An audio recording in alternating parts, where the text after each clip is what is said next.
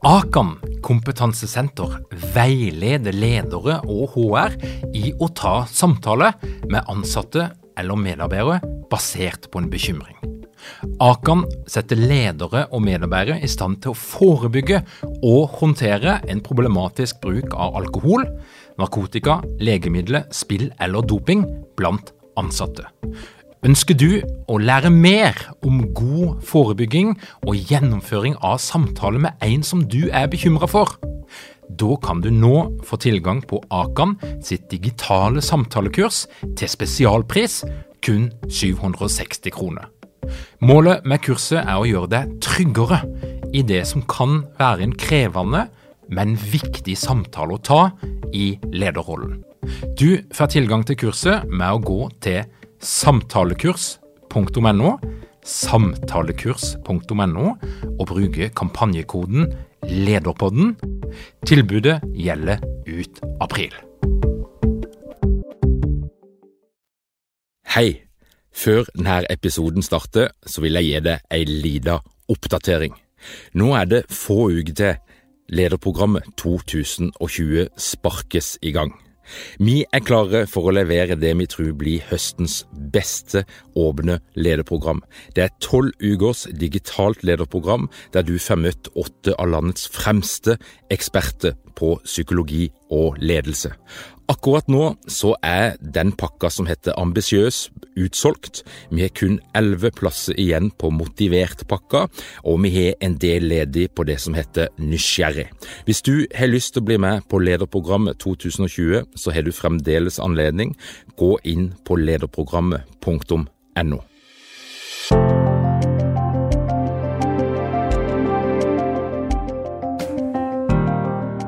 Velkommen til Lederpodden.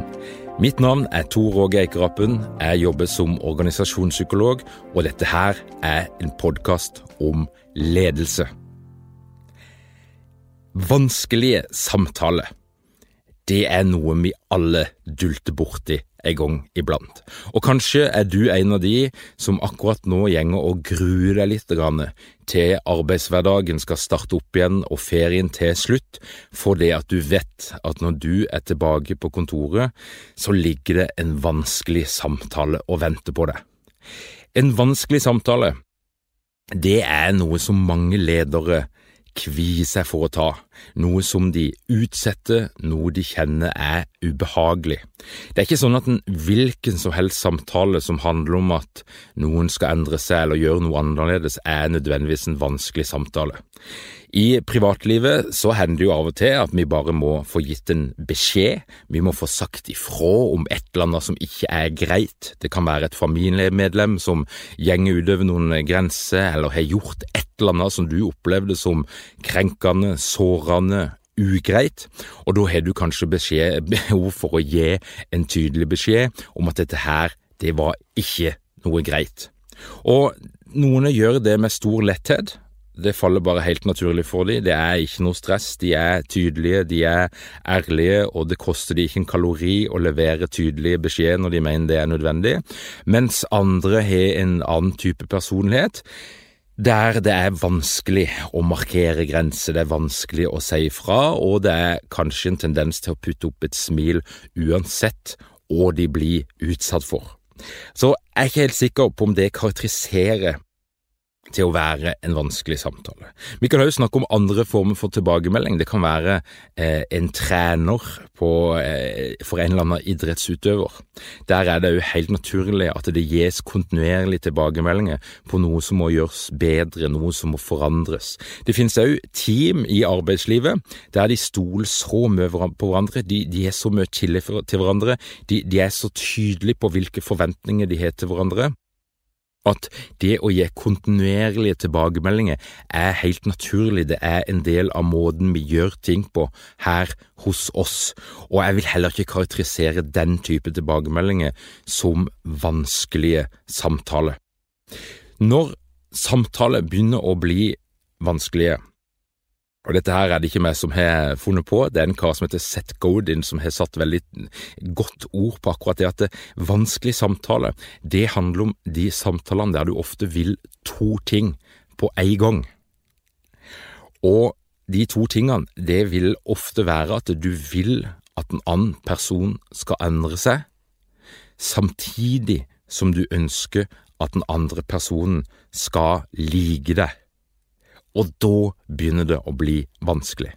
For det er jo det vanskelige samtalen handler om. Det handler om i en lederrolle så har du en medarbeider, du har en kollega, og der du ser at denne personen må endre sin måte å gjøre jobben på, eller endre sin måte å være på, mot kollega, mot lederen, mot kunde, bruker, hvem det nå skal være. Og det er ofte utgangspunktet for de her vanskelige samtalene. Noen må endre seg, og som leder så er det du som har ansvaret for å si ifra. Én ting er det rent eh, ja, altså lederrollen i seg sjøl, men det er òg sånn at i arbeidsmiljøloven, i forarbeidene til arbeidsmiljøloven, så stender det noe om arbeidsgivers veiledningsplikt. Og den veiledninga kan dessverre ofte ta form av en vanskelig samtale. Så de vanskelige samtalene, det er der du som leder må gi en tilbakemelding om noe som ikke er greit, og det er en annen person som du har ansvar for, som du har en autoritet for, der, der, du må gi beskjeden om at vedkommende må gjøre ting på en annen måte, enten knytta til arbeidsoppgave eller atferd på jobb. Og for å stoppe litt der, da, hva er det som, som, som ofte skjer med de her vanskelige samtalene? Hva kan konsekvensen bli hvis du ikke tar de tidsnok? Tidligere på Lederpodden så har du hørt snakk om eh, konflikter. Vi har snakka om kultur og ukultur. Vi har snakka om ledere som tør å ta rollen sin, og ledere som er konfliktsky. Og erfaringa det er at eh, når det skjer eh, trøbbel i en virksomhet, når det dukker opp en konflikt eller såkalt destruktiv medarbeideratferd, eller der det utvikler seg en ukultur, når du begynner å etterforske når var det dette her starta, hvor var det egentlig det kom ifra, så er min erfaring etter å ha jobba med mange sånne typer saker, det er at svaret ofte er en leder som ikke har tatt en nødvendig eller en vanskelig samtale tidsnok. En leder som har utsatt de her samtalene, som kanskje blir utydelig, som kanskje har levert en beskjed i plenum som man håper blir plukka opp av de andre, eller en leder som rett og slett har en grunnleggende tro på at hvis du bare venter lenge nok, så vil det meste gå over av seg sjøl. Av og til så gjør det det, men dessverre er erfaringen at uønska atferd på jobb som ikke blir korrigert, den har en tendens til å eskalere, og i noen tilfeller òg sette seg som det vi kaller for en ukultur, altså der den uønska atferden har satt seg som en norm for hva som er akseptabel atferd på vår arbeidsplass. Det kan handle om måten vi snakker til hverandre på, det kan handle om måten vi snakker om hverandre på, det kan handle om en type brakkekultur som du tar med deg inn i kantina, det kan handle om eh, rasisme. Det kan handle om, eh, om sexistisk prat rundt lunsjbordet, der det å være kvinne, det å være ung, er noe som får et veldig uheldig fokus.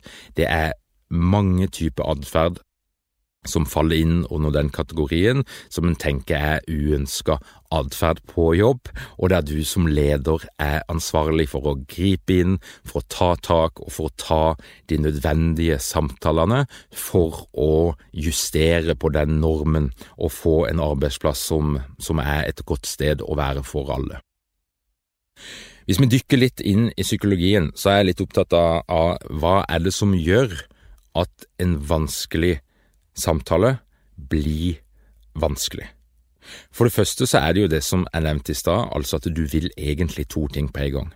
Du vil bli likt, og du vil at den andre personen skal endre seg. Du vil opprettholde motivasjonen, du vil opprettholde relasjonen, du vil at ting stort sett skal være sånn som de har vært før, samtidig som du vil at den andre skal endre seg. Og det er et lite kinderegg som er vanskelig å få til.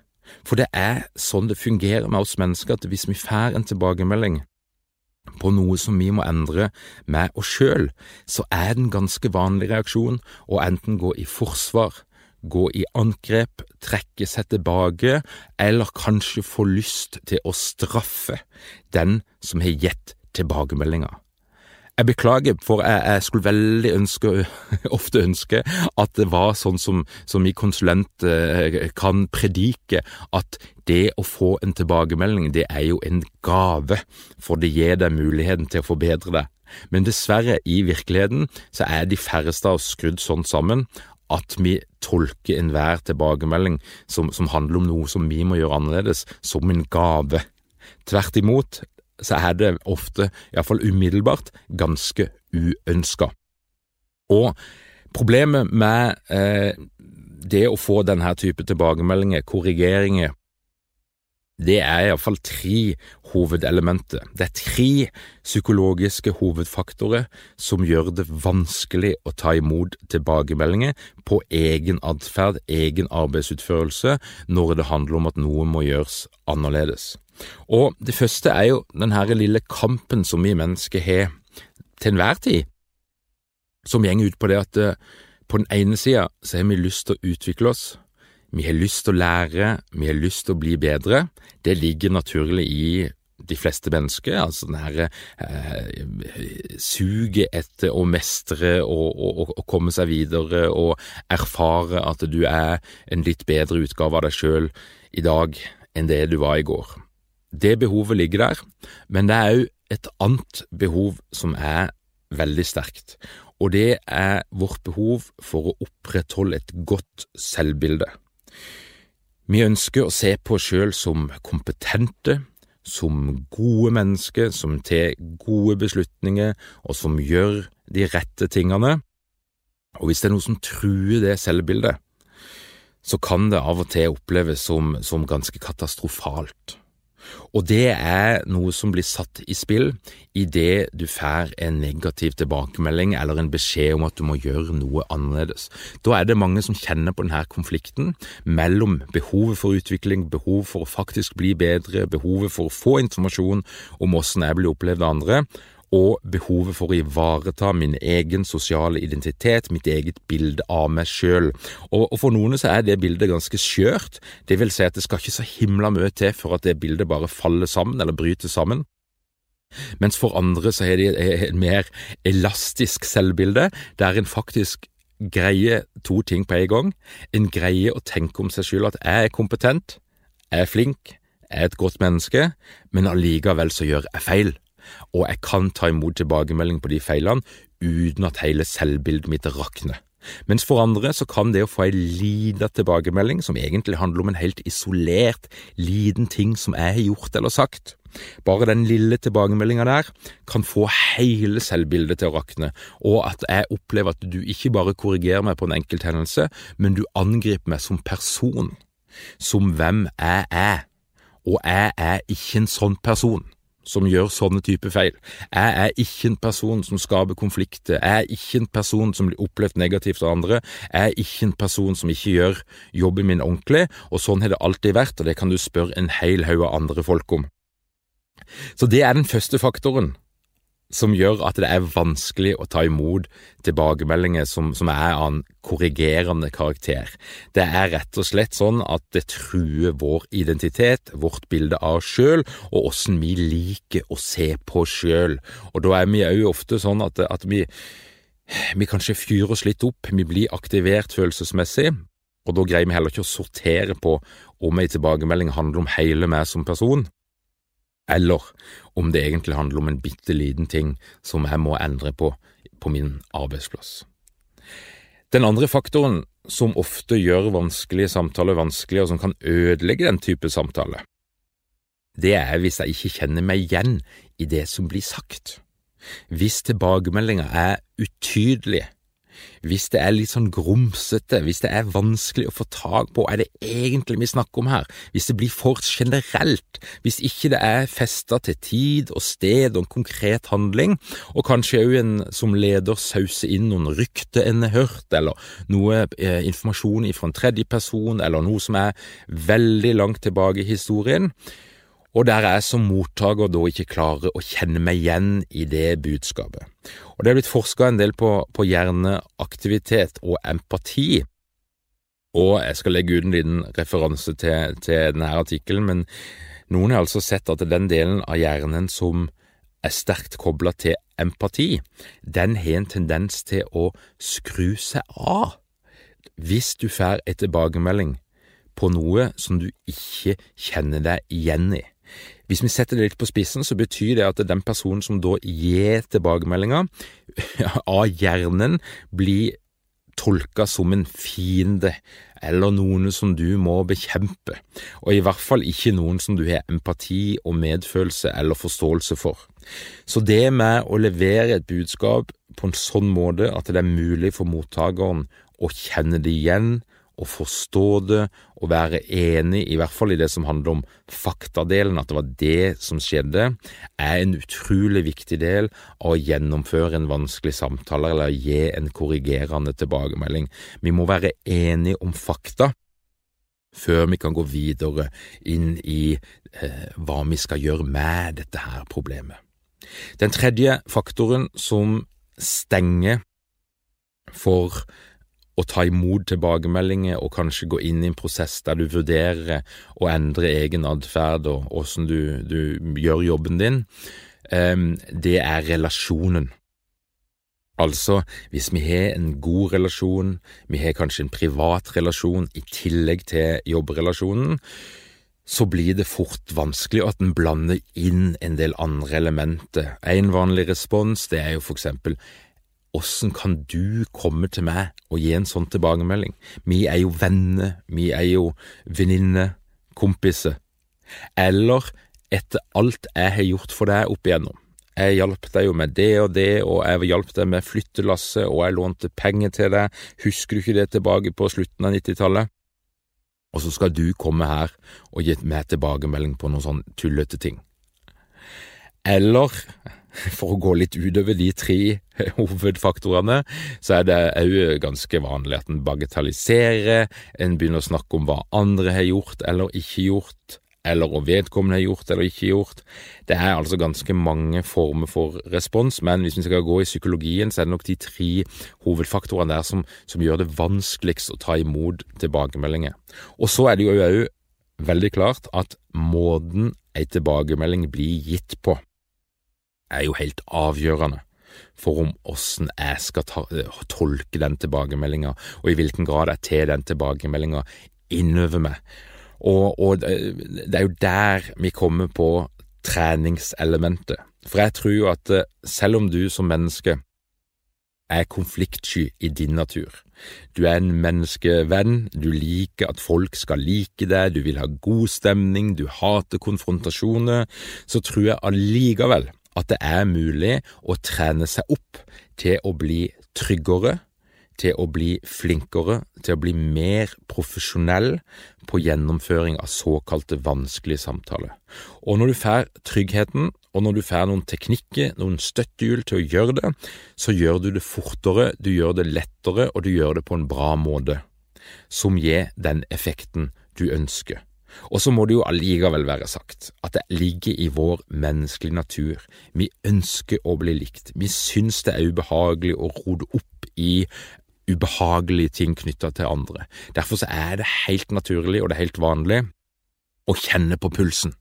Kjenne at du blir stressa, kjenne på ubehaget idet du begynner å planlegge og tenke på en vanskelig samtale. Og Det er jo ikke samtalen i seg selv ofte, men det er tanken på samtalen, frykten for samtalen, frykten for reaksjonen hos den andre som gjør at vi utsetter og lar være å ta de her samtalene. Men som jeg nevnte, så, så er konsekvensen ofte av å la være, den er så stor. For det er jo nettopp de lederne som lar være å ta de her samtalene på et tidlig tidspunkt. Det er jo der du ser ukulturen blomstre, det er der du ser konfliktene eskalere, det er der du ser at den av og til dukker opp i hendelser som er svært uønska. Det kan være underslag, det kan være en elendig eh, arbeidsmiljø. Vi kan, skal ikke gå for langt inn, men, men det er saker i media, det kan være Erik Jensen-saken. Hvis en skal dykke litt inn der, så tipper at det er noen vanskelige samtaler som burde bli tatt på et veldig tidlig tidspunkt, som ikke ble tatt.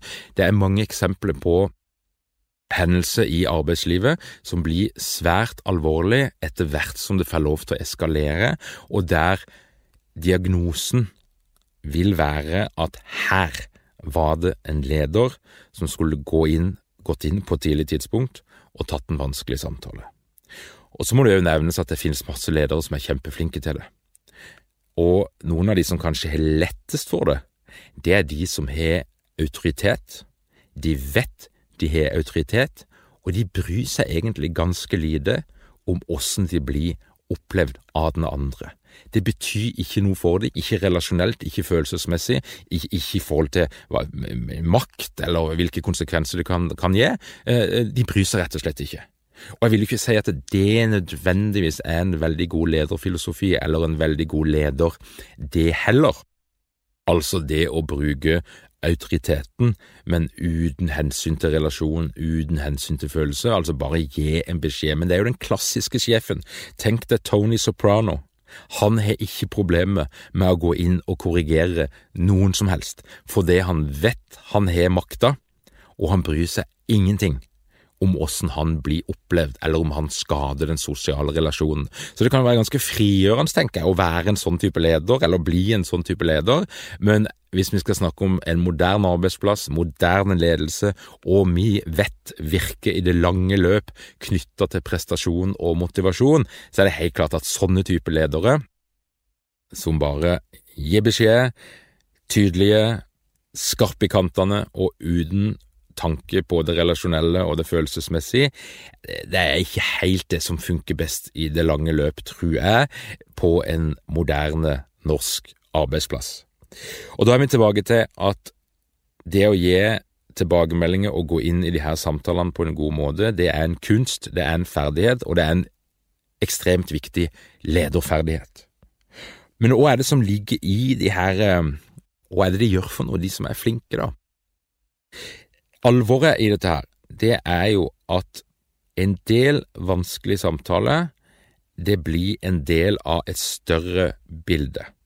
Vi kan se for oss en situasjon som ender med at noen må sies opp, noen må få en advarsel, noen må kanskje finne seg i en endringsoppsigelse der de må gjøre noe annet i samme virksomhet eller jobbe i en annen avdeling. Og i vårt moderne arbeidsliv i Norge, med en sterk arbeidsmiljølov, med stadig flere arbeidsrettssaker, så er det dessverre sånn at de her vanskelig korrigerende samtalene, de må du se inn i et litt større lys, i en større sammenheng. For av og til så er de her samtalene en del av det som leder opp til en alvorlig sak, der du kanskje må gå inn og vurdere en oppsigelse eller en endringsoppsigelse, eller en annen alvorlig sanksjon. Og da er det plutselig en formalitet der som, som Har dere mange ledere uten trening eller utdannelse innen ledelse? Mangler dere en felles kultur og praksis for ledelse? Ønsker dere å være bedre rustet for fremtidig vekst og endring? Da kan et internt lederutviklingsprogram være en god investering. I Execu så er vi eksperter på å designe og gjennomføre bedriftsinterne lederutviklingsprogram. Hvis du ønsker å lære mer om hvordan vi kan hjelpe dykken til å få enda bedre ledere, ta og klikk deg inn på execu.no.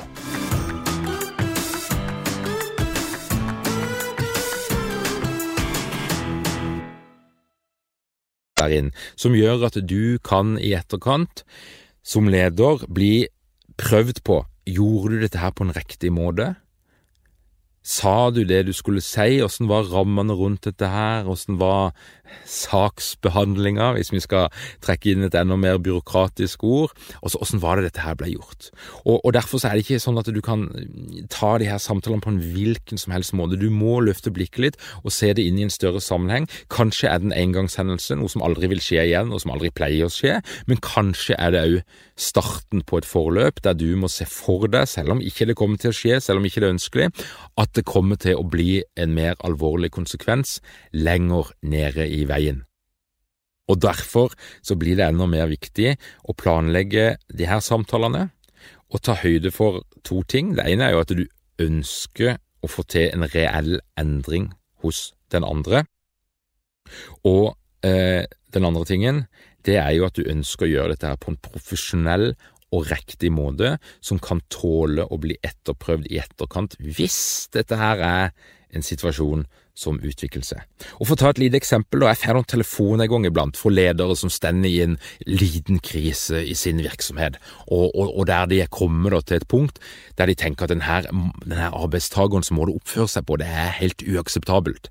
Det er utskjellinger, det er truende SMS-meldinger, det er eh, en, en ukultur som denne vedkommende prøver å etablere og, og dra andre med seg inn i, og vi er kommet til et punkt der dette, dette her funker ikke lenger lenger. Vedkommende er på jobb og skremmer vekk gjestene våre, eh, eh, gjør ting som er totalt uakseptabelt i arbeidslivet, og nå må vi gjøre noe. Og Da må jeg stille noen sånn kontrollspørsmål. Det er jo hvor lenge dette her vart. Og så kommer svaret nei, det varte ganske lenge, egentlig. Dette her er pågått i, i eh, kanskje flere år, eller det er blitt verre og verre de siste to årene. Og så er jo det neste spørsmålet, men hva har du gjort så langt? Nei, nei, vi har jo hatt noen sånn fellesgreier der vi snakker om kultur og arbeidsmiljø og hvordan vi skal ha det, og jeg har jo gitt noen beskjed på personalmøte om hvordan det skal være her, og, og ja, i sånne allmøter og sånn.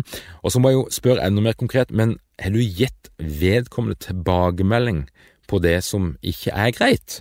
Altså, har vedkommende fått en sjanse til å forbedre seg? Og da er dessverre ofte svaret nei. For denne personen er jo så vanskelig at åssen skulle det ta seg ut at jeg skulle gi en tilbakemelding på dette her? Da hadde jo vedkommende blitt fly forbanna.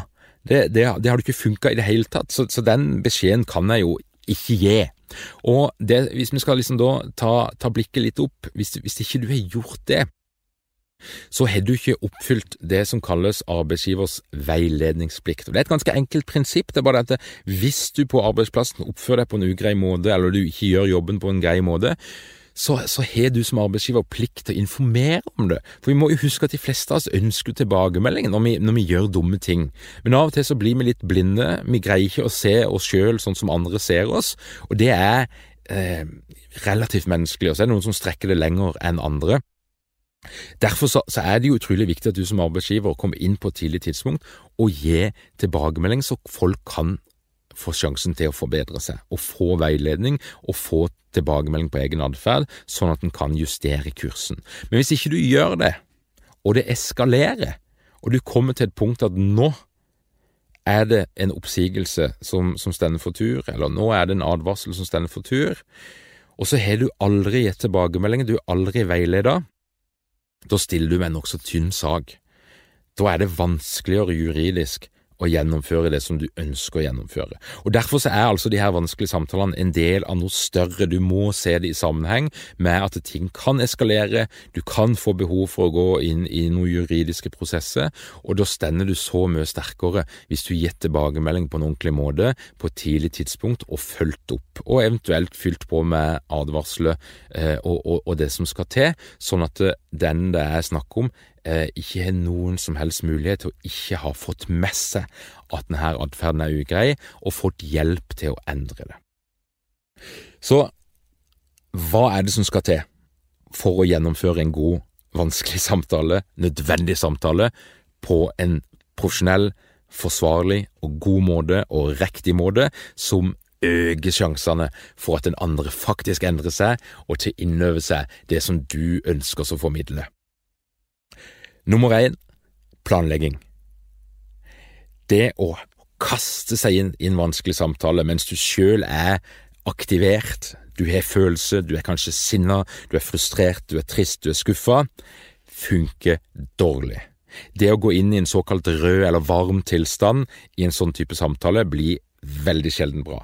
Det kan være deilig, det kan være deilig å få levert en beskjed, få sagt ifra, og i privatlivet så tenker jeg av og til det er helt på sin plass og av og til gå den veien, eh, bare for at det har en sånn rensende effekt å få gitt en beskjed hvis det er berettiget. Men som leder så er du i en profesjonell rolle, og du må passe deg vel for å gå inn i den type samtaler når du sjøl er følelsesmessig aktivert. Det blir sjelden bra, og sjansen er stor for at den andre vil trekke seg tilbake, gå i forsvar, gå i angrep, og da har du eh, en greie i gang som kanskje tar fokuset vekk ifra det det egentlig handler om. Derfor planlegging. Samtidig så er det jo sånn med timing at hvis jeg skal få tilbakemelding på min atferd, så bør det skje relativt kjapt etter et eller annet har skjedd.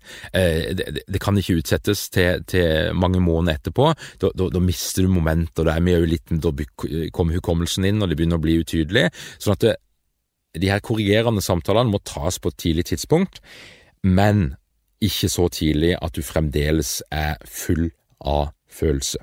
Så det å planlegge, det gir deg ro. Det gir deg muligheten til å få oversikt, og det gir deg mulighet til å være tydelig når du skal inn i de her samtalene. Og når du planlegger en sånn samtale, så er det mange hensyn du må ta. For det første, hva er målet med samtalen, hva er det du ønsker å oppnå? Er det en samtale der, der, du ønsker å sjekke ut den andres syn på saken, og få en tilbakemelding eller en kontradiksjon, hvis vi skal gå inn i det juridiske språket, eller er det en samtale der du ønsker å få den andre på banen til å sjøl komme med forslag til løsninger, sjøl involvere seg i hva skal til for å få en endring? Og det er altså samtaler der det er muligheter, der det er løsninger du søker. Den andre typen samtale det er det som kalles ofte for nok er nok-samtalen, der du er kommet til et punkt der det er ikke noe mulighet lenger. Det er, alt er prøvd, alt er gjort, og det er gjort etter boka, men nå er vi kommet til det punktet der du skal få en advarsel, du skal få kanskje en oppsigelse, kanskje beskjed om at eh, her må vi faktisk endre på, på jobben din. Jeg vil gå inn i den samtalen som er løsningsfokusert. Og planlegginga, det handler altså om å sette et mål. Hva ønsker du å få ut av dette her? Jau, jeg ønsker at det skal endre seg. Jeg ønsker at vi skal få til ting på en bedre måte. Jeg ønsker at du skal lykkes i denne jobben. Det er altså fullt mulig å gå inn i en vanskelig samtale og ha en god intensjon der du ønsker den andre vel. Den andre delen av planlegginga, det er jo hva er fakta her? Hva er det som har skjedd? Hva er de faktiske hendelsene? Og da kan du ikke bruke rykte, du kan ikke bruke ting som andre kommer med som, som ikke er verifisert, og du kan ikke bruke anonyme kilder. Det skal iallfall ekstremt mye til, og husk at anonyme kilder er lik paranoia. Begynner du å snakke om noe andre har sagt uten å navngi hvem som har sagt det, og der du bruker et bredt persongalleri utenfor deg sjøl, til å på en måte bygge opp argumentasjonen din, så skaper du paranoia, og det er veldig få personer som endrer seg når de samtidig er engstelige og redde og paranoide for hvem er det som har sagt og gjort dette her. Så det å ha objektive fakta du kan godt ha noen som har sett, og det er vitne og sånne ting, men, men, det beste er jo det du har sett og, og opplevd og observert sjøl. Og du skal ikke bruke hele historikken nødvendigvis, men det å ha de konkrete faktaene, hva skjedde, når skjedde det, hvem var der, kjempetydelig. Da er vi jo inne på det at hvis den andre skal gå inn i denne prosessen, så må vedkommende kjenne seg igjen i det som du presenterer. og Derfor er den faktadelen utrolig viktig, og skriv det gjerne ned for å gjøre det så konkret som mulig. Og Så må du òg tenke igjennom hva er det du ønsker få den andre personen her. Og det er jo lov å snakke litt om du kan snakke om dine egne følelser, du kan snakke om effekten som de her hendelsene har, sånn som du opplever det, sånn som du tolker det, effekten det har på et menneskelig følelsesmessig plan, eller for virksomheten. Hvilken effekt har det når du gjør sånn eller sånn, eller når, når, når du ikke gjør det ene eller det andre. Og de her tingene må du òg ha tenkt litt igjennom, og så må du være litt tydelig på hva er det du forventer av den andre. Forventer du en endring? Forventer du at den andre skal komme opp med en eller annen løsning? Hva er det du vil? Hva er det du vil ha ifra den andre, og greier du å formulere det på en klar og tydelig måte? Du må jo planlegge litt det praktiske. De her samtalene skal ikke tas i et åpent kontorlandskap. De skal ikke ta i et rom som ikke er lydtett, og der alle kan sitte ut forbi og høre. De skal ikke ta i et konferanserom som egentlig er et glassbur midt i kontorlokalet. Husk at den andre skal føle seg trygg. Du skal ivareta den andres integritet. Den andre skal føle seg avslappa. Hvis den er utrygg, og det vil den jo ofte være, eh, men, men prøv å redusere utryggheten så mye som mulig, og det kan du gjøre igjen gjennom å gi noe informasjon før du kaller inn, eller når du kaller inn. Det der er jo vanskelig, altså hvordan skal du gi noe informasjon uten å hoppe rett inn i samtalen, men òg i noen tilfeller gi den andre mulighet til å ha noen med seg, hvis vi er kommet der til såpass alvorlig. Men det du må tenke på er hvordan kan du gjøre den situasjonen så grei som mulig for den andre. For hvis vi er trygge så vil vi være mye mer mottagelig for å gå inn i en prosess og ta inn et litt vanskelig budskap, og kanskje også etter hvert endre på noe, enn hvis vi er utrygge, redde og vi føler nesten at vi blir uthengt eller satt i en veldig vanskelig situasjon, bare i kraft av åssen samtalen gjennomføres. Du må jo tenke igjennom skal dette her dokumenteres skriftlig, jeg tror det er lurt å gjøre det, jeg tror det er lurt å ha en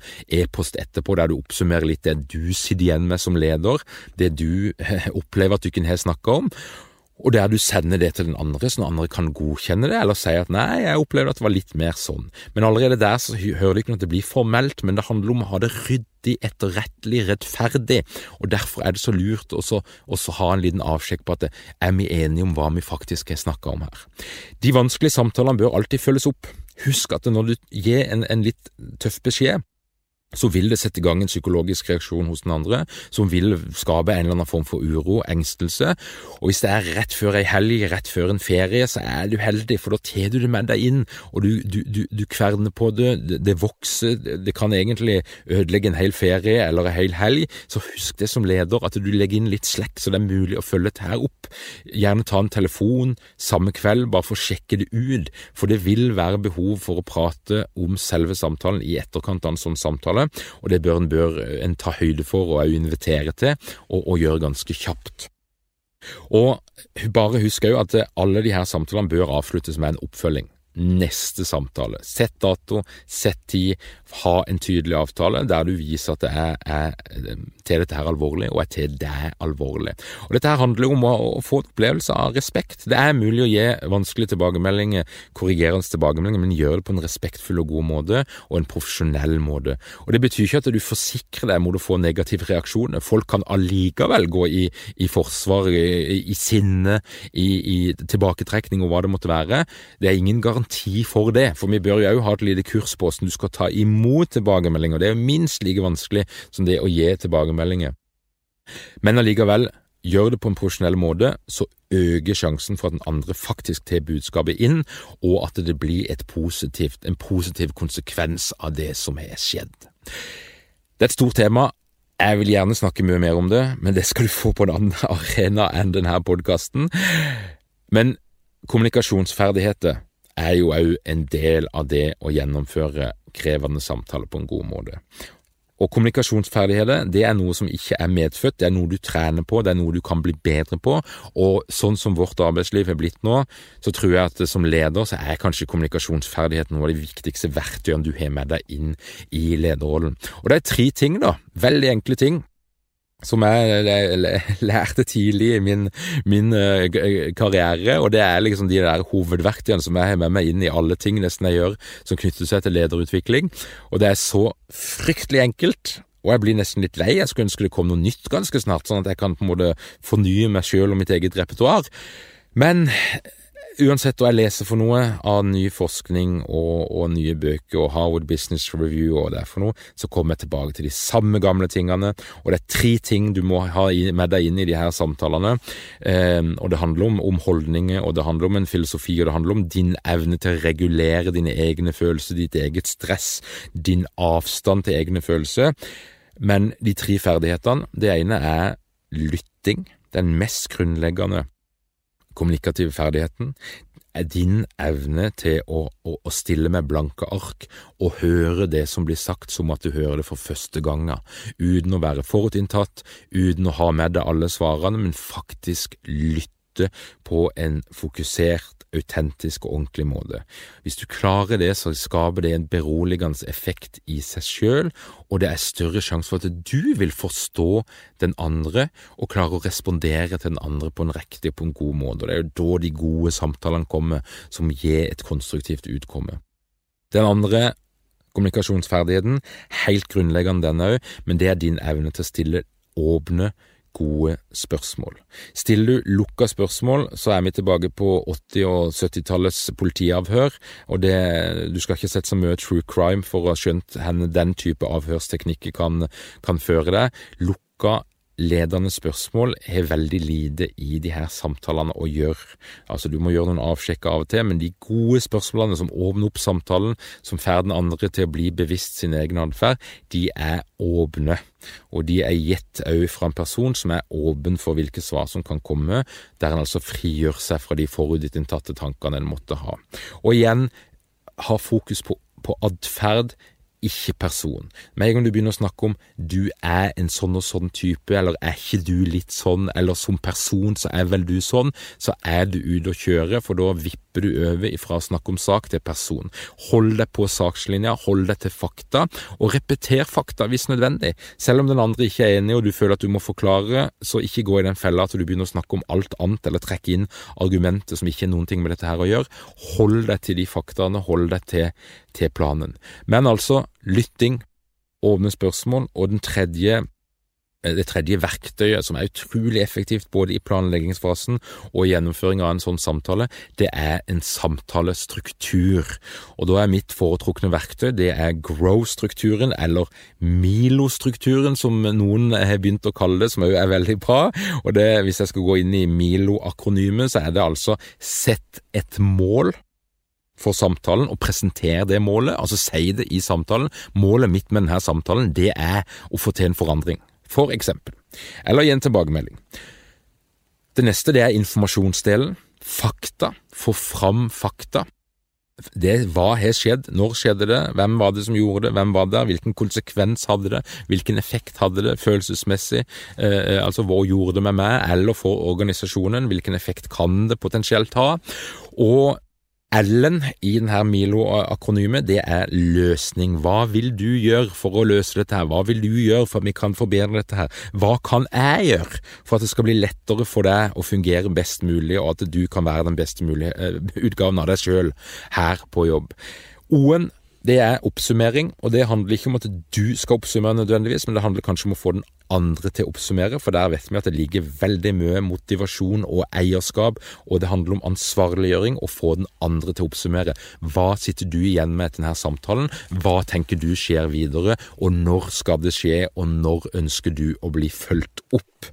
Og hvis du da har planlagt alt dette her, og, og du holder deg til de, og du er god på de her ferdighetene, du bruker en struktur, og du òg oppsummerer skriftlig i etterkant og får et innspill fra den andre, da snakker vi altså om en ryddig, profesjonell og god samtale som har stor sjanse for å gi effekt. Ingen garanti.